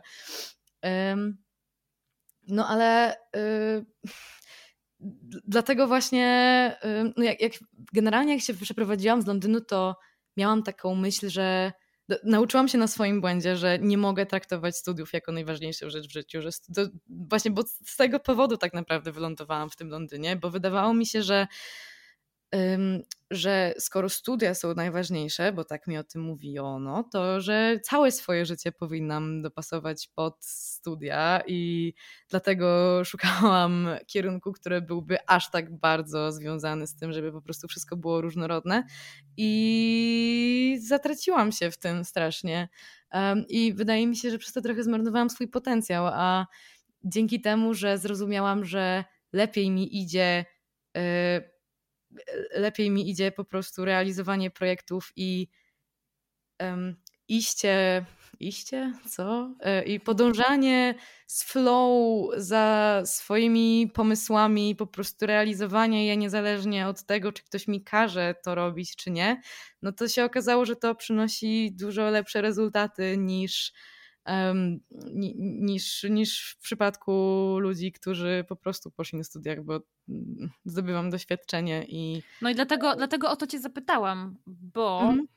ja też, wiesz, ja, ja, ja w ogóle jestem z tego pokolenia, gdzie no, moi rodzice, nasi rodzice, rodzice, wiesz, 30-parolatków polskich, to są często ludzie, którzy albo sami nie mogli iść na studia, albo musieli sobie to wywalczyć. Mhm. I my byliśmy tym takim pierwszym pokoleniem, które było pchane za wszelką cenę. My, my słyszeliśmy, że każdy musi skończyć studia, no bo co będziesz potem e, w barze pracować, mhm. śmieci będziesz e, zbierać po ludziach. No ta, taka była, wiesz, taki był przekaz, z góry szedł. Mhm. I my w tym przekonaniu byliśmy wychowani i wszyscy na te studia, jak jeden mąż poszliśmy, wszyscy je pokończyliśmy, zaczęliśmy robić karierę, po czym po wielu, po wielu, po wielu, po paru latach robienia tej kariery, wielu z nas się zorientowało, że to w ogóle nie o to chodzi. Mm-hmm. Że w ogóle nas to nie kręci. I teraz się odwracamy, wracamy do źródła, nie? I teraz zaczynamy mm-hmm. robić te rzeczy, które nas kręciły, ale nie mieliśmy czasu ani możliwości tych pasji rozwijać. Wiesz, otwieramy nagle mm, jakieś mm, małe biznesy, zajmujemy się mm. rzemieślnictwem. Mm-hmm. Te studia okazuje się, że one w ogóle do niczego nam w życiu nie były potrzebne tak naprawdę.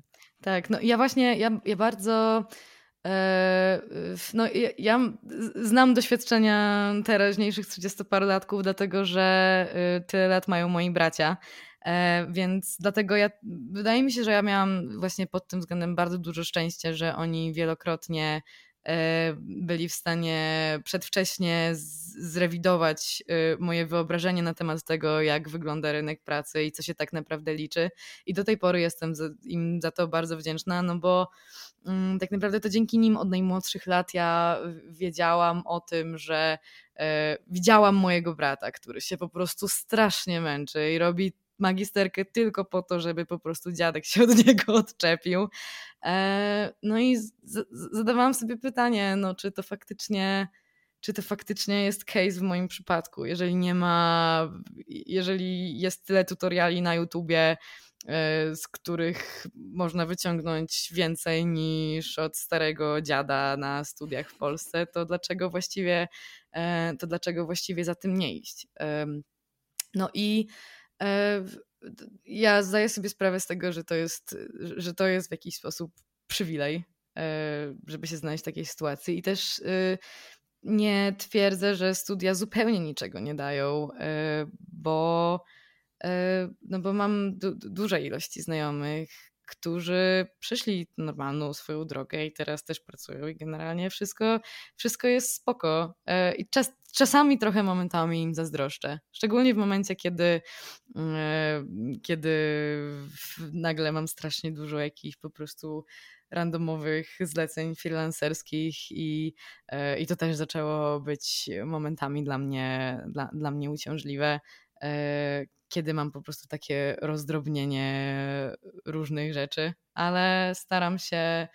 E, no ale mimo wszystko staram się, staram się doceniać, że faktycznie sposób prowadzenia swojego życia, jaki wybrałam, dał mi bardzo, bardzo dużo, szczególnie po diagnozie ADHD, kiedy faktycznie zaczęłam zauważać, że, że okej, okay, że to um, że, że, że, że, ten, że, że to buntowanie się i ten alternatywny sposób życia jest naprawdę bardzo, e, bardzo fajny i, i, e, i niewątpliwie też jest e, fajne dla potencjalnych pracodawców. Znowu, znowu jakoś strasznie po prostu do, do, do jakichś strasznych dygresji. Naprawdę nie bój się mi przerywać. Nie, nie, nie, to jest, cały czas, to jest cały czas e, w temacie, bo ja też sobie myślę, że mam wrażenie, że to jest coraz bardziej okej, okay, albo że to jest coraz częściej widziane jako coś, co jest okej. Okay. To takie mhm. nie podporządkowywanie się tym zasadom, którym podporządkowywali się nasi rodzice. Właśnie to, to takie nie, nie chodzenie tym, to utartym, tym utartym szlakiem. Mm. No, też to, ten, to daje bardzo dużo dopaminy na pewno. Ale nie, chodzi, myślę... mi o to, chodzi mi o to, że jest coraz większe przyzwolenie na to ze strony społeczeństwa, którego jeszcze mm. pewnie 10 lat temu nie, nie było do tego to stopnia. Zdecydowanie. Ja się strasznie ja się strasznie cieszę, że e, w Polsce coraz popularniejszy staje się gapier. E, co w ogóle nie było e, nie było przedstawiane nikomu jako opcja. Albo właśnie chociażby ta kwestia urlopów dziekańskich, że to nie musi być wcale tak, że, że ty od razu od jednej szkoły przychodzisz do drugiej, tylko możesz sobie poświęcić czas na to, żeby po prostu sobie, nie wiem, luźno gdzieś popracować w jakimś mało, e, mało prestiżowym miejscu po to, żeby sobie, nie wiem, gdzieś pojechać i zobaczyć, co tam będzie. I e, nie trzeba myśleć w kategoriach tylko i wyłącznie edukacji w swoim życiu, żeby wciąż się rozwijać. I strasznie się cieszę, że że, że, ten, y, że, że ten trend też, też przychodzi e, do Polski z zachodu i liczę na to, że, że, tak, że tak będzie dalej. Ja w ogóle mam dużo nadziei, jeśli chodzi o te młodsze pokolenia, bo ja widzę, że y, ja wiem, że, że stare dziady, mówię tutaj też o moim, moim pokoleniu własnym. O Jezu, no strasznie rantuje, ale nie, my naprawdę strasznie rantujemy na, na młodszych ludzi, e, zwłaszcza na Gen Z. Um. Jakoś nas strasznie uwierają, znaczy nie mnie osobiście, wręcz przeciwnie. Natomiast jest, wiesz, no jest, mają ludzie jakiś z tym straszny problem. Bo, bo znowu to jest to, że my nie lubimy, jak ktoś ma lżej niż my, jak komuś mm -hmm. jest mhm. łatwiej w życiu. Tak, um, tak. ale wiesz co? Ja bym chciała trochę wrócić do mm -hmm. tematu, o którym trochę zaczęłyśmy rozmawiać, a, ale tak nie zgłębiłyśmy go w takim kontekście, o którym mi chodziło. Mm -hmm. Bo ja w ogóle mam wrażenie, że często jest tak, że w momencie, kiedy my zmieniamy miejsce zamieszkania, a zwłaszcza kiedy zmieniamy kraj zamieszkania i kulturę, w której się obracamy, to to, to jest ten moment, kiedy pojawiają się pierwsze problemy, albo może niekoniecznie pierwsze, ale to, jest, to, jest, to są często te momenty, kiedy pojawiają się problemy ze zdrowiem psychicznym. Mhm. Bo nagle wiesz, nagle znajdujemy, jesteśmy wyrwani z tego kontekstu, w którym dorastaliśmy, który jest e, nam tak dobrze znajomy i musimy się odnaleźć w zupełnie nowym świecie. I ja ci powiem, że osobiście ja mam właśnie takie doświadczenie. Za każdym razem, kiedy zmieniałam kraj zamieszkania, to pojawiała się, pojawiał się epizod depresyjny. Oczywiście ja mhm. wtedy nie wiedziałam, że to jest tym, nie, nie nazwałabym tak tego, ale dzisiaj wiem, patrząc z perspektywy, że to była depresja. I to było za każdym razem na początku, kiedy ja się przeprowadzałam z jednego kraju do drugiego. I ten, Gdzie mieszkałaś wcześniej? W, we Francji, w Paryżu mieszkałam. Uuu, okej. Okay. E, I tak, te pierwsze miesiące zawsze były dla mnie bardzo trudne. I tak sobie myślę o tym, czy, czy czuję, że to. No bo trochę tak jakby. Trochę tak powiedziałaś chyba, nie? Że, że, że to było dla ciebie trudne odnaleźć się i kulturowo, i, i w ogóle po prostu bycie w nowym miejscu, ale czuję, że to było takim trochę katalizatorem. Myślę, że myślę, że na pewno, e, bo no, z czego wynika, z czego wynika potrzeba przeprowadzki? No, z tego, że, że, że, no, że, no, że czujesz, że, że, nie, że tutaj, gdzie jesteś, nie wiem, czy to, to, gdzie to, co będzie za, e, za parę miesięcy, że to nie jest właściwe miejsce dla ciebie i e, wydaje mi się, że szczególnie e, te duże miasta, takie, w których po prostu się znajdujesz i wybierasz te miejsca świadomie, a nie z przypadku, między innymi dlatego, że są uważane za te miejsca dobre do życia, e, czy chociażby, nie wiem, kontrastując to z Polską, biorąc pod uwagę różne czynniki, nie wiem, społeczno-ekonomiczne, no to od razu po prostu ci się jawi taki kraj mlekiem i miodem płynącym. I ja trochę miałam ten problem z Londynem, bo Londyn był przedstawiany dla mnie jako miasto możliwości, gdzie każdy może być kim chce, gdzie e, zawsze znajdziesz osoby, z którymi będziesz mógł realizować jakieś fajne, że to jest jakieś fajne rzeczy, że to jest miasto ludzi kreatywnych i tak dalej, i że po prostu możesz, no, różnorodność jest tutaj niesamowita. No i e, z jednej strony, z je, znaczy ta, ta cała faktycznie Londyn jest mega różnorodnym miastem, gdzie możesz po prostu robić wszystko, ale ta mnogość tych tych wszystkich rzeczy, które są tak odmienne e, od tego, co przeżyło się wcześniej, sprawiają, że przynajmniej w moim przypadku tak było, sprawiały, że czujesz się nikim znowu, że, e, że to po prostu jest, tutaj jest tyle tych rzeczy, że tak naprawdę to nie ma, to nie ma jednej, to nie ma jednej osobowości, z którą ty możesz się jakoś skonfrontować w jakiś konkretny sposób, że Y, że, że, właśnie jest, jesteś po prostu przytłoczony, czy przytłoczona y, tym, tą całą nowością i nagle po prostu znajdujesz się w takim paraliżu, że y, starasz się jakoś znajdować znowu te swoje rutyny, swoje miejsca, do których do których możesz, no nie wiem, kupić jakiś, jak, jakąś ulubioną rzecz, co pamiętasz po prostu z, z Polski czy coś. E, no i, yy, no, no, i zdajesz, zdajesz sobie sprawę z tego, że to, że to faktycznie, że to faktycznie jest katalizator. I z drugiej strony pojawia się takie poczucie winy, że już wykonałeś tyle kroków, wykonałaś tyle kroków, żeby się tutaj znaleźć i masz wrażenie, że to nie jest warte, żeby to znowu zmieniać, że, że, że może będzie zaraz lepiej, może to tylko jest jakiś mój gorszy dzień i tak dalej. Yy, no, no, i wydaje mi się, że dopóki nie znajdziesz tego swojego konkretnego punktu zaczepienia, który sprawi, że poczujesz się jak w domu, to, no to ludzie się mogą czuć bardzo samotni e, w, w nowym miejscu. Zwłaszcza w takich e... wielkich miastach. Ja ci powiem, że. Zwłaszcza w takich Ja ci powiem, że ja Londyn na początku bardzo nie lubiłam. No ja dalej mam do niego ambiwalentny stosunek. E, wiesz co, jak mieszkałam, w, ja miałam taki stosunek do Paryża natomiast. Znaczy na początku byłam w Paryżu mm. oczywiście bardzo zakochana, po, po, czym to się przerodziło w takie love-hate relationship bardziej. Mm. Natomiast e, Paryż jest takim, to jest duże, małe miasto, to znaczy w porównaniu do Londynu, jeśli chodzi o powierzchnię. O, tak, głównie o tym mówimy. Paryż jest taki bardzo ciasny i taki, no, no jest jest naprawdę, nie jest, nie jest tak duży jak, jak inne duże miasta mogą być. Mm. I nagle znalazłam się w Londynie, który jest ogromny i tak naprawdę funkcjonuje się w ramach jakiegoś borough bardziej niż. Tak.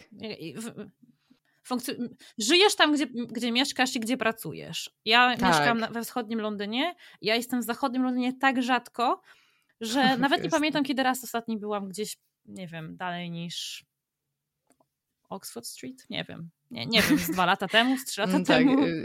Ja mam, ja mam bardzo, bardzo podobny case, bo ja też chyba w Londynie Zachodnim byłam tylko raz i pojechałam tam właśnie z, z tego powodu, że pomyślałam sobie, kurde, nigdy nie byłam w Zachodnim Londynie, a mam za parę dni lot do Polski i już wracam tam na stałe, więc może zobaczę, co tam jest.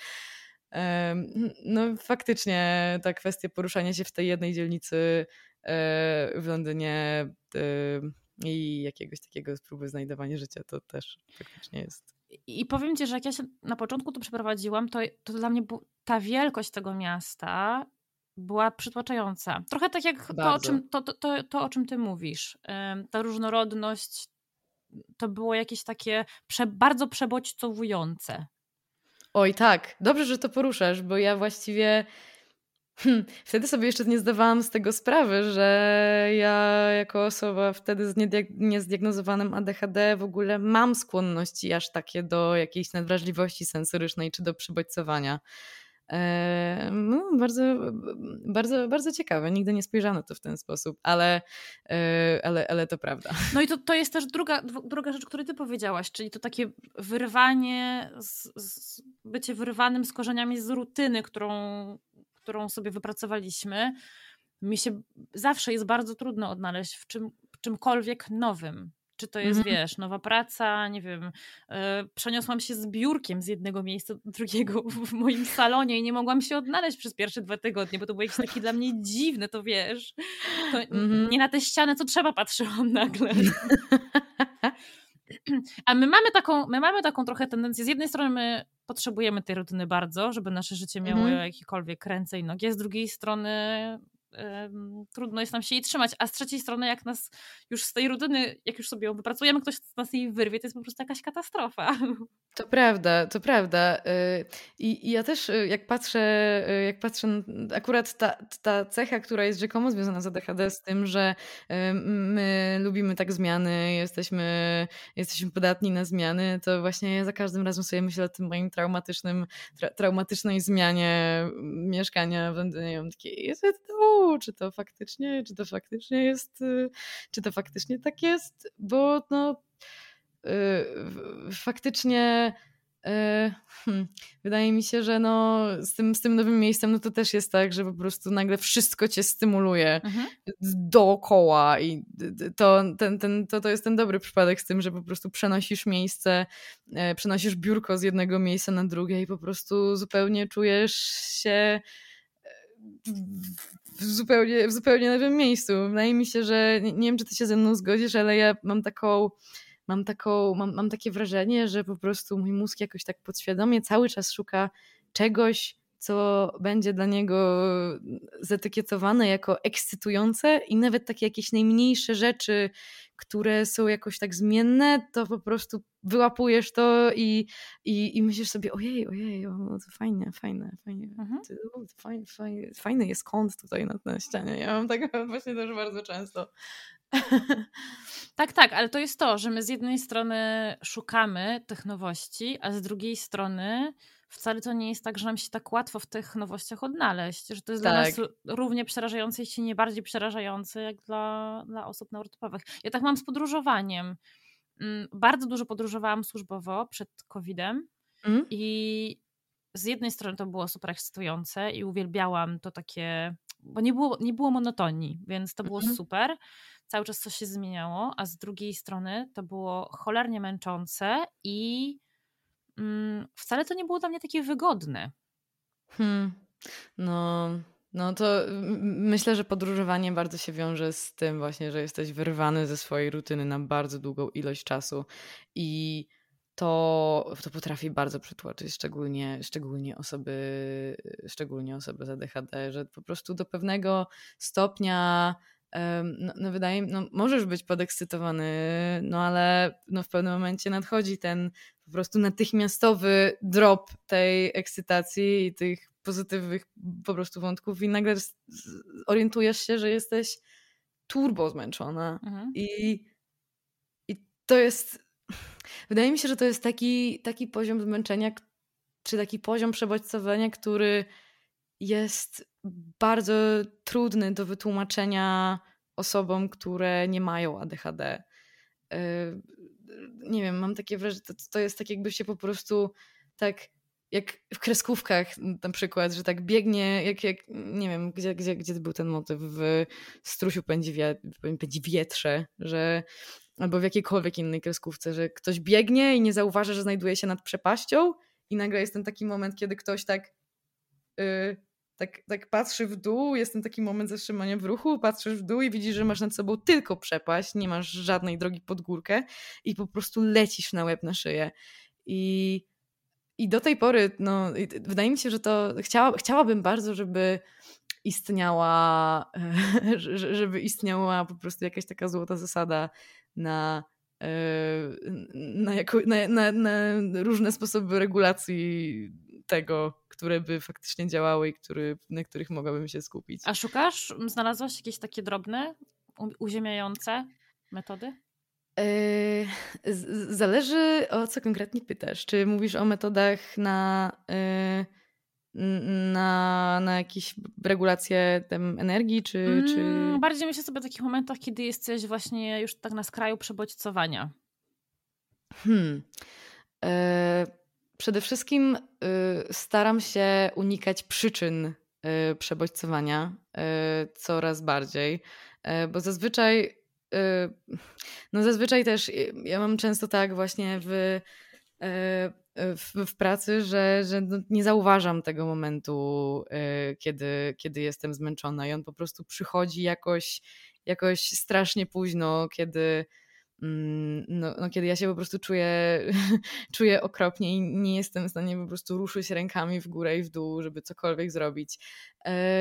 No na pewno no, ja zaczęłam ostatnio rozumieć, na czym polega nic nie robienie, e, a wydawało mi się to bardzo dziwny koncept przez bardzo długi czas. Ja nadal nie umiem miałam nic taką, No, mam taką, mam, mam taką po prostu pod, potrzebę, żeby robić za każdym razem coś. I na przykład bardzo mi w tym y, pomaga y, medytacja. I wiem też, że, że wielu osobom z ADHD też to pomaga, że Y, że faktycznie nawet no, no zaczęłam zauważać, że to jest faktycznie, że to jest fantastyczny sposób na trenowanie, na trenowanie spokoju i, i, i też koncentracji. Mhm.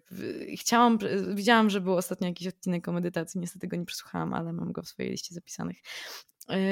I jestem dopiero na początku swojej drogi, ale mam nadzieję, że to zgłębię. Natomiast coś, co tak raczej w takim, nie wiem, w szerszym kontekście, to nie jest taki uniwersalny tip, ale to, bo to raczej zakłada takie zmiany trochę sposobu myślenia o tym. E, ostatnio czytałam taką strasznie wartą polecenia książkę, która się nazywa Laziness Does Not Exist. E, ona jest zapisana, napisana przez, y, przez Devona Price'a, który jest doktorem psychologii w Chicago. To jest w ogóle moje I... hasło. Ja, ja powiedziałam, że to słowo powinno zostać zdelegalizowane. No i bardzo dobrze, bardzo dobrze. To ja nie, nie znam za bardzo, jak daleko ta myśl jest roz, y, roz, rozpowszechniona, ale, ale dla mnie to y, osobiście było dość przełomowe. Ta książka niestety nie jest przetłumaczona na język polski. Zapisuję sobie. Ja ją czytałam w języku angielskim, ale ją naprawdę bardzo polecam, bo e, wydaje mi się, że autor książki przeszedł przed laty przez podobny moment, co ja, jeżeli chodzi o takie moje wypalenie zawodowe i właśnie ten taki moment przepaści, gdy po prostu się spadło.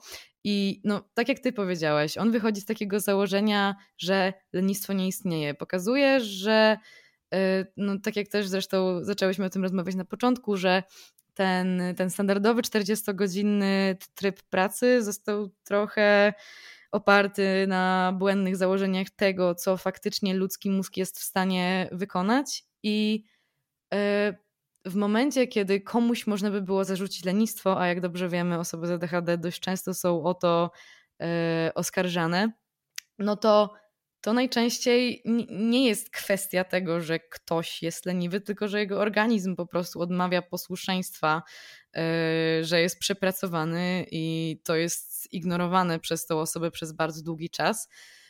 I, i, i zauważyłam, że to faktycznie, yy, że to faktycznie ma sens, że człowiek nie może aż tyle pracować i że Y, I że im, i też, też on pokazuje bardzo dużo różnych badań, że im dłużej człowiek pracuje, tym jest mniej efektywny. Tak jest. Y, wiesz, że, jest, wiesz że tutaj no? w Anglii testowali niedawno ten czterodniowy tydzień pracy. Słyszałam I 90, 90% firm, które brały udział w tym eksperymencie, zdecydowało się ciągnąć ten system dalej. O Jezu, jak dobrze. No to może, no to może jednak kiedyś w przyszłości powrócę do Londynu. do pracy, kto wie. Y, no więc. Ym, więc właśnie teraz się skupiam trochę na sposobach na to, jak się z tego.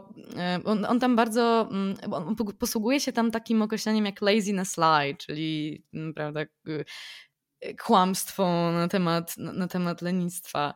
E, I pokazuje też sposoby w sensie stara się, no, ale się miotam w słowach, przepraszam, wychodzi z takiego założenia, że, y, no, że właśnie człowiek za, za, za rzadko odpoczywa właśnie ze względu na to, że ma po prostu ma po prostu z tyłu głowy to, że może ktoś go ocenić jako, jako ktoś leniwy i on y, też daje różne sposoby na to, jak to lenistwo, y, jak pogodzić się z, z tym, co ludzie nazywają lenistwem i i co dobrego może z tego wyniknąć. I coś, co mi się bardzo spodobało yy, i to od razu zaczęłam stosować, to, że jednym ze sposobów na takie zresetowanie mózgu i yy, i, i, i, jakieś takie nawet proaktywne, bo często, no właśnie, no ja też miałam z tym trochę problem, że yy, że, że, że ja mam, do, znaczy do tej pory mam problem z tym, że nie umiem odpoczywać i też y, czasami udaje mi się faktycznie nic nie robić i usiąść i sobie po prostu poddychać przez 10 minut, no ale, ale jednak muszę coś cały czas robić, po prostu być wszędzie i tak dalej. No więc fajnym sposobem na to, żeby twój mózg odpoczął, ale jednocześnie żebyś ty coś robił, to jest coś, co może się wydawać bardzo proste, ale pójście, zrobienie jakiejś aktywności, która którą robisz po raz pierwszy i której, w której prawdopodobnie będziesz słaby, bo robisz to po raz pierwszy i której byś normalnie nie wykonał jako taka standardowa e, czynność. Na przykład jakiś nowy sport. Mhm. E, to jest bardzo proste, ale, no ale tam właśnie jest pokazane to, że, że, że w momencie, kiedy po prostu poznajesz coś po raz pierwszy, to no to, no to naturalnie po prostu cała twoja uwaga jest skupiona na tej aktywności i ty dosłownie no to automatycznie nie myślisz o tym wszystkim, o czym myślisz na co dzień, czyli po prostu o tych wszystkich deadline'ach, których masz i sprawy codziennych i po prostu cała twoja energia jest przykuta do, do jakiejś rzeczy, która jest zupełnie odklejona od twojej rzeczywistości i to bardzo, i to bardzo pomaga i e, właśnie to jest taki trochę mój plan na ten rok, żeby E, żeby poznajdować jak najwięcej takich aktywności, które wydaje mi się. Plus, w momencie, zapomniałam o tym powiedzieć, że w momencie, kiedy wykonujesz jakąś czynność, w której wiesz, że pójdzie ci źle, to nagle. Mm, no to, no to przyzwyczajasz się też do tej myśli, że nie musisz być cały czas najlepszy. I y, to wydaje mi się być taką bardzo fajną lekcją w momencie, kiedy na przykład jako osoba z ADHD E, no przez całe życie próbowałam po prostu maskować moje wady perfekcjonizmem. Perfekcjonizm. Oh yeah. oh yeah. No i to do pewnego stopnia jest to jest to spoko, ale często przekładam moje, mój self-care właśnie ponad ten, znaczy no, perfekcjonizm przekładam ponad moje, moje zdrowie. E, no i też y, ta presja do tego, żeby cały czas być najlepszym, żeby po prostu, y, żeby robić te 100-200% normy, nagle trochę, trochę bardziej zaczynasz doceniać siebie na takiej zasadzie, że nawet jeżeli nie jesteś w czymś 100% najlepszy, to i tak jesteś wartościową osobą, bo nie ilość pracy, którą wykonujesz, cię definiuje jako wartościową osobę i to nie o tym świadczy. Wtedy też widzisz te takie małe postępy. Ja to przećwiczyłam, mm. jak zaczęłam się uczyć jeździć na wrotkach. E, Uu, to, było, to było w ogóle. To było super takie. Szukam słowa po polsku. Mm. Nie musisz. jak, się, jak się mówi po polsku humbling? Humbling? No nie znam tego. Mm. Takie, a wiem, takie.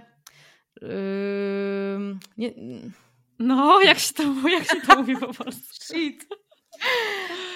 Nie chciałam powiedzieć, że uwłaczające. Nie, nie, nie, nie. nie. Zrównujące z ziemią. O, to jest dobre, to jest dobre słowo. Mm. Człowiek mieszka troszkę za granicą, wraz po prostu. Polska język, trudny język. No tak. Mm, ale to było takie doświadczenie, bo, bo ja zawsze miałam takie poczucie, że muszę być we wszystkim, co robię natychmiast Mm. Najlepsza, jak tylko mogę być.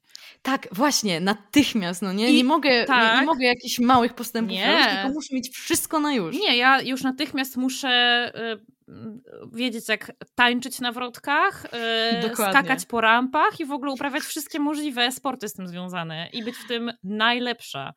Tak. Więc w momencie, kiedy to się nie udawało, bo jestem bardzo nieskoordynowana, więc oczywiście miałam z tym problemy, mm. to to rzeczywiście tak cię sprowadza na ziemię. O, sprowadzający na ziemię. O, to jest to słowo. Nie zrównający, tylko sprowadzający na ziemię. O, tak, tak, tak. E, to rzeczywiście, to tak działa, bo myślisz sobie, no dobra, dobra, nie będę skakać po tych rampach, bo się cholernie boję tego, że się połamię, więc nigdy nie pójdę do skateparku, ale przynajmniej umiem jeździć przodem, tyłem i robić kilka innych sztuczek. I to tak, jest no i, no, no, no, i samo to, że to było nowe, no to, to ci dało fan. I to daje super frajdę, tak, tak. Tak, tak. I to, to, to, też jest fajne. Może się okazać, że ta jedna rzecz nowa, którą zrobisz się no, no, nie musi to być od razu tak przecież, że że, że o ile się nie zapisujesz na jakieś tam zajęcia 8 godzin z rzędu, no nie, ale że y, to nie od razu musi oznaczać, że ty nagle wpadniesz w ten taki y, hiperfokus i to będzie coś dla ciebie złego, że o, wiem, że to pewnie będzie znowu tak, że ja zacznę to robić i później przestanę i tak naprawdę co z tego, co z tego wyniknie? No właśnie wyniknie z tego to, że sobie będziesz miała fan przez jakiś tam czas i sobie... I, i czegoś się nauczysz przy okazji. I czegoś się nauczysz przy okazji i później to wróci widzisz, i to jest, i to jest normalne. Tak. Nie musisz się przejmować tym, że, że, że zmieniasz swoje zainteresowania tak, yy, tak często, no bo przecież nikt nie powiedział, że musisz mieć jedno hobby przez całe życie. Nie, dokładnie, dokładnie. Chociaż kiedyś oczywiście miałam, miałam na tym punkcie kompleksy, ale przestałam je mieć i właśnie widzę to te, teraz tak jak, tak jak ty to opisujesz. E, wrotki, ale wrotki się kurzą teraz od roku. Miałaś kompleksy na punkcie czego Tego, konkretnie? że nie potrafię tak jednej rzeczy się nauczyć i ją robić, tylko że muszę za zaczynać i nigdy nie kończę. Mm, no, te, ja też yy, te, te, też tak miałam bardzo długo i czasami, i czasami też trochę tak mam, yy, więc, więc zmiana tego sposobu myślenia wymaga czasu. Mm, nie, ja, już to, ja teraz, już, teraz już mam z tym totalny luz. Wiesz, w mhm. momencie, mm -hmm. kiedy zainwestowałam w jakieś nowe hobby i, i, i przestałam je przestałam w ogóle je uprawiać, to po prostu mm. sprzedaję sprzęt. No, jestem pogodzona z tym, że tracę, wiesz, połowę kasy, bo, mm. bo nie zwróci mi się tyle, co, co za niego wydałam, ale no cóż. No tak, no trzeba. No, też mi się wydaje, że warto, warto jest jakoś znajdować takie sposoby na E, na, e, na jakiś taki lepszy kontakt z sobą, które, e, które są darmowe, bo to też jest taki mój trochę problem, że ten self-care on też stał się trochę taki skapitalizowany na zasadzie self-care się kojarzy właśnie z taką maseczką, tak, z, z tak. jakimś ładnym jakimś itemkiem i tak dalej, a, a, a, a ludzie nie myślą sobie o self-care jako E, jako jakimś takim kontakcie z samym sobą po prostu. Z że, na spacer. Prostu, tak, że po prostu jesteś i, i nie musisz się nic kompletnie dziać i że to jest wszystko ok, to co, e, co, się dzieje, że tak naprawdę nie musisz pędzić, nie musisz się porównywać do, e, do kogoś. No, no w naszym tak. przypadku czasami umycie zębów to jest self-care. I to no, też tak, jest okay. no. no tak, no i to jest osiągnięcie często. No tak, no warto, wydaje mi się szczególnie w przypadku osób z ADHD warto e, doceniać takie małe sukcesy. I ja też staram się tego, e, staram się tego uczyć e, moich znajomych, jak się mnie pytają o to, jak można wspierać osoby z ADHD, no to wydaje mi się, że doceniać rzeczy, które E, które ekscytują, e, no, które ekscytują daną osobę jako właśnie ich osiągnięcie, nawet jeżeli daną osobę z ADHD jako osiągnięcie, nawet jeżeli dla tej osoby neurotypowej wydaje się to całkowicie normalne. Jak właśnie codzienne, codzienne mycie zębów Bo, albo, albo posprzątanie. Ja, ja bardzo często e, robię tak, że, że wysyłam gdzieś tam do moich bliskich znajomych zdjęcie, jak posprzątałam, z, jako po prostu sukces e, i, i ten e, już nauczyłam, nauczyłam moich znajomych, że że, że, że, że warto jest to, warto jest podziękować. No, to jest super, to jest super metoda na takie do, domotywowanie się. Ale fajnie, bo idziemy w, w, idziemy w kierunku tego, co, o co ja zawsze pytam na podsumowanie, więc hmm? to tak naturalny segway po prostu. Nawet nie muszę się starać. Ojej. Bo, bo wspomniałaś o tym, co ty mówisz swoim znajomym i nieznajomym w kwestii tego, jak można hmm? wspierać osoby z ADHD. A co chciałabyś przekazać światu na temat mm, ADHD w ogóle? ADHD albo neuroróżnorodności szeroko pojętej? Co nie jest taką powszechną wiedzą? Kurczę, yy, co nie jest taką powszechną wiedzą? Zrobiłaś, zrobiłaś się siebie serię filmików, musisz mieć coś w zanadrzu, jakieś, jakieś chwytliwe hasełko na ten temat. E, chwytliwe, chwytliwe hasełko. E, wydaje mi się, że y, ciężko być, ciężko być e, jakimś, jakiś, jakiś, jakąś bardzo oryginalną w tym zakresie. Ja po prostu zawsze, y, zawsze jakbyś apeluję y, do ludzi o wyrozumiałość dla tej drugiej strony. I jeżeli po pierwsze o, o, komunikanie, o komunikowanie swoich, y, swoich trudności szczere, po prostu bez ogródek jako osoba z ADHD i tej drugiej strony o, o próbę postawienia się na tym, na, na, tym drugim miejscu. Y, chociażby jeżeli właśnie chodzi o te kwestie sprzątania, bo to y, było i jest, wydaje mi się, moim, moją największą przywarą życiową i długo mi zajęło to, żeby żeby y, w ten sam sposób być wyrozumiałym dla siebie, jak i dla innych z, z, trudnościami na podobnym poziomie. Na takiej zasadzie, że jeżeli dana osoba twierdzi, że to jest dla nich problem, to, to faktycznie jest dla nich problem i zamiast oceniać, yy, spróbuj spytać, czy jest jakiś sposób na pomoc, bo wydaje mi się, że często osoby z ADHD mają, taką, e, mają takie wrażenie, że są zostawione z czymś same i trochę jest im ciężko prosić o pomoc. E, więc chociażby w kwestii sprzątania, e, będę podawała to jako przykład, bo no, to dotyczy akurat mojej największej Ale to jest, dysfunkcji. To jest bardzo dobry, dobry przykład, bo to dotyczy wielu z nas. Dokładnie, no to bardzo długo, nawet już po, nawet po diagnozie, ciężko mi było prosić kogoś o pomoc, ale y, okazało się, że w momencie, kiedy ja, kiedy już naprawdę po prostu było ciężko i powiedziałam, wiem, że jak to brzmi, ale naprawdę jest to ciężkie, czy mógłbyś przyjść, pomóc mi posprzątać w mieszkaniu. Y, I nagle okazało się, że nawet już jak ta osoba wyszła i okazało się, że to nie było dla niej aż takim problemem. W sumie trochę mnie nie obchodzi, czy ta dana osoba faktycznie, jak sobie myślała na ten temat, czy, czy to faktycznie było w jej mniemaniu jakieś niemożliwe do posprzątania, czy możliwe do posprzątania.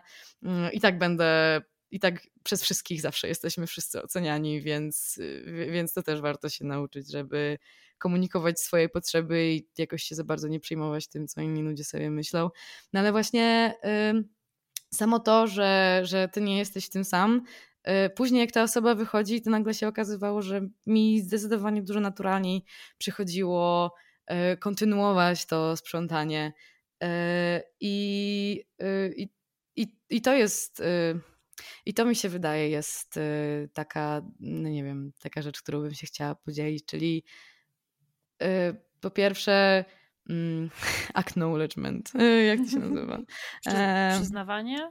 No takie przyznanie, przyznanie, że to z czym się zmagasz, to faktycznie jest problem i, yy, i danie do zrozumienia drugiej osobie, że, że ten problem jest dla ciebie duży i, yy, i prośba o pomoc w tym temacie. Nawet jeżeli to się wydaje jakieś takie łatwe do, do wykonania. No dla ciebie to jest, dla ciebie to jest problem, a y, no nie wiem, jako no też osoba ADHD mi się wydaje, z ADHD mają też większy poziom empatii, więc chociażby na zasadzie wzajemności też często ja się poświęcam w tę drugą stronę i myślę, że dużo ludzi też tak ma, że poświęcają się dla innych i nie proszą o pomoc i e, warto spróbować. Na początku jest bardzo trudno, ale z czasem zaczynasz rozumieć, że to nie było jednak takie, że to nie było jednak takie trudne i wszystko wymaga czasu. No, więc tak. Mm, to prawda, że my. Ale to chyba nie jest tylko ADHD. Ludzie często mają problem z takim proszeniem o pomoc w ogóle. Ja jestem straszna To prawda. Y, to prawda, ale y, wydaje mi się, że w, w, przypadku osób z ADHD często te problemy dotyczą jakichś takich małych rzeczy, tak. które dla ludzi są e, które dla ludzi są proste, albo w ogóle wydają się takie mało skomplikowane tak, i nie wymagają tak, tak, tak. takich większych, większych tych. No i dla nas to jest po prostu wstydliwe, bo tak jak ty mówisz, mm -hmm. Poproszenie kogoś o pomoc w posprzątaniu mieszkania może być rzeczą wstydliwą. Z jakiegoś powodu, Mhm. z jakiegoś powodu w ogóle wstydliwe dla nas jest to, że my tego porządku w mieszkaniu nie mamy. Ja sama, sama zdarzało Mhm. mi się, wiesz, pięć minut przed tym, jak e, jakiś niezapowiedziany gość się pojawiał, e, wrzu- wpychać wszystkie, zbierać e, z, ubrania z, z podłogi i wpychać je do szafy, nie? No, to się zdarza u mnie do tej, do tej pory. No, więc, więc jakby rozumiem, rozumiem, z czego to wynika. Rozumiem, z czego to wynika, bo nam po, my się po prostu wstydzimy często tych rzeczy, które dla innych są takie proste. To prawda, to, to, to, to, prawda. I to, no, wydaje mi się, że to jest, tak jak powiedziałam wcześniej, no, kwestia, kwestia praktyki i, em, i, to, i, i coś, co akurat ja z tym nie miałam jakiegoś aż tak bardzo y, problemu, że e, ba, boję się, znaczy nigdy się za bardzo aż tak nie bałam, że ktoś mnie oceni, tylko tylko, że te działania, które ja wykonuję, mogą w jakiś sposób sprawić, że właśnie ktoś, dla, nie, dla niego coś w jego codziennym funkcjonowaniu będzie utrudnieniem. Dlatego też właśnie ze współlokatorami miałam strasznie duży problem e, zawsze. E, no bo się starałam. W sensie, no wiadomo, no wszyscy wtedy by- byliśmy młodzi, więc też zastanawiam się, czy jakbym wtedy wiedziała, że mam ADHD, to czy dziewczyny były bardziej wyrozumiałe. No czasami, no czasami, ale jeżeli by się okazało nawet, że wtedy nie, no to no to warto się tak, myślę, pochylić nad, y, nad, nad, tymi, nad tymi rzeczami, które po prostu nie działają w swoim życiu i zre, zrewidować, y, czy, czy czuję się w swoim żywiole, czy, czy, czy, czy, jest się, czy jestem szczęśliwa. Wiem, że podczas gonitwy życiowej ogólnie w codziennym życiu, jak wszystko musi być szybko, wszystko musi być w pośpiechu e, i tak dalej, ciężko się nad tym zatrzymać. E, no jakoś tak już e, znowu też się Odpływasz. zakołowałam w myśli, już odpływam. Czy to jest dobry moment na to, żeby, żeby po- podsumować i podziękować sobie za rozmowę? Czy to jest dobre, dobre miejsce na zakończenie, postawienie kropki? Mm, Myślę, że tak. Nie wiem, kto tu jest, nie, nie wiem, kto tu ocenia. My.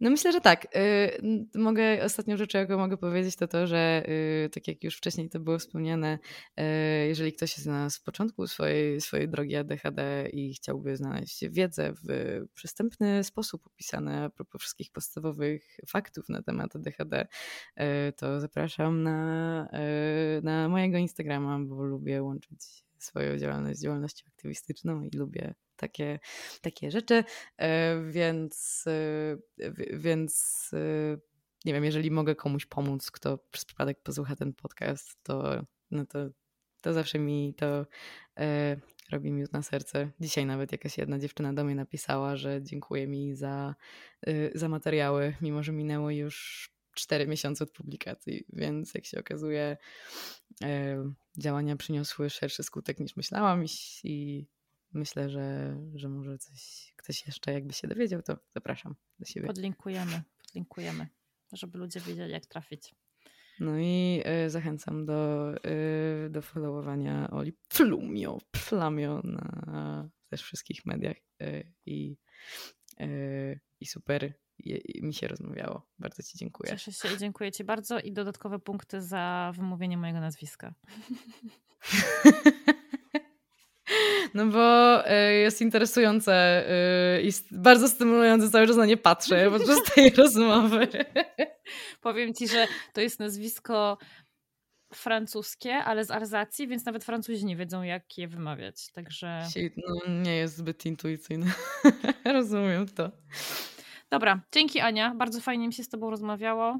Mm, Mam nadzieję, że e, będziesz tak dalej pomagać innym osobom trafiać na trop diagnozy. E, I ja mam nadzieję, że ty dalej będziesz e, pomagać, e, pomagać ludziom w poczuciu, że przeżywają to samo, co, co, co my i poszerzać swoją społeczność, bo wydaje mi się, że jest super. To posłodziłyśmy sobie. No, dobra, nie no, kończmy już. To pa! To pa!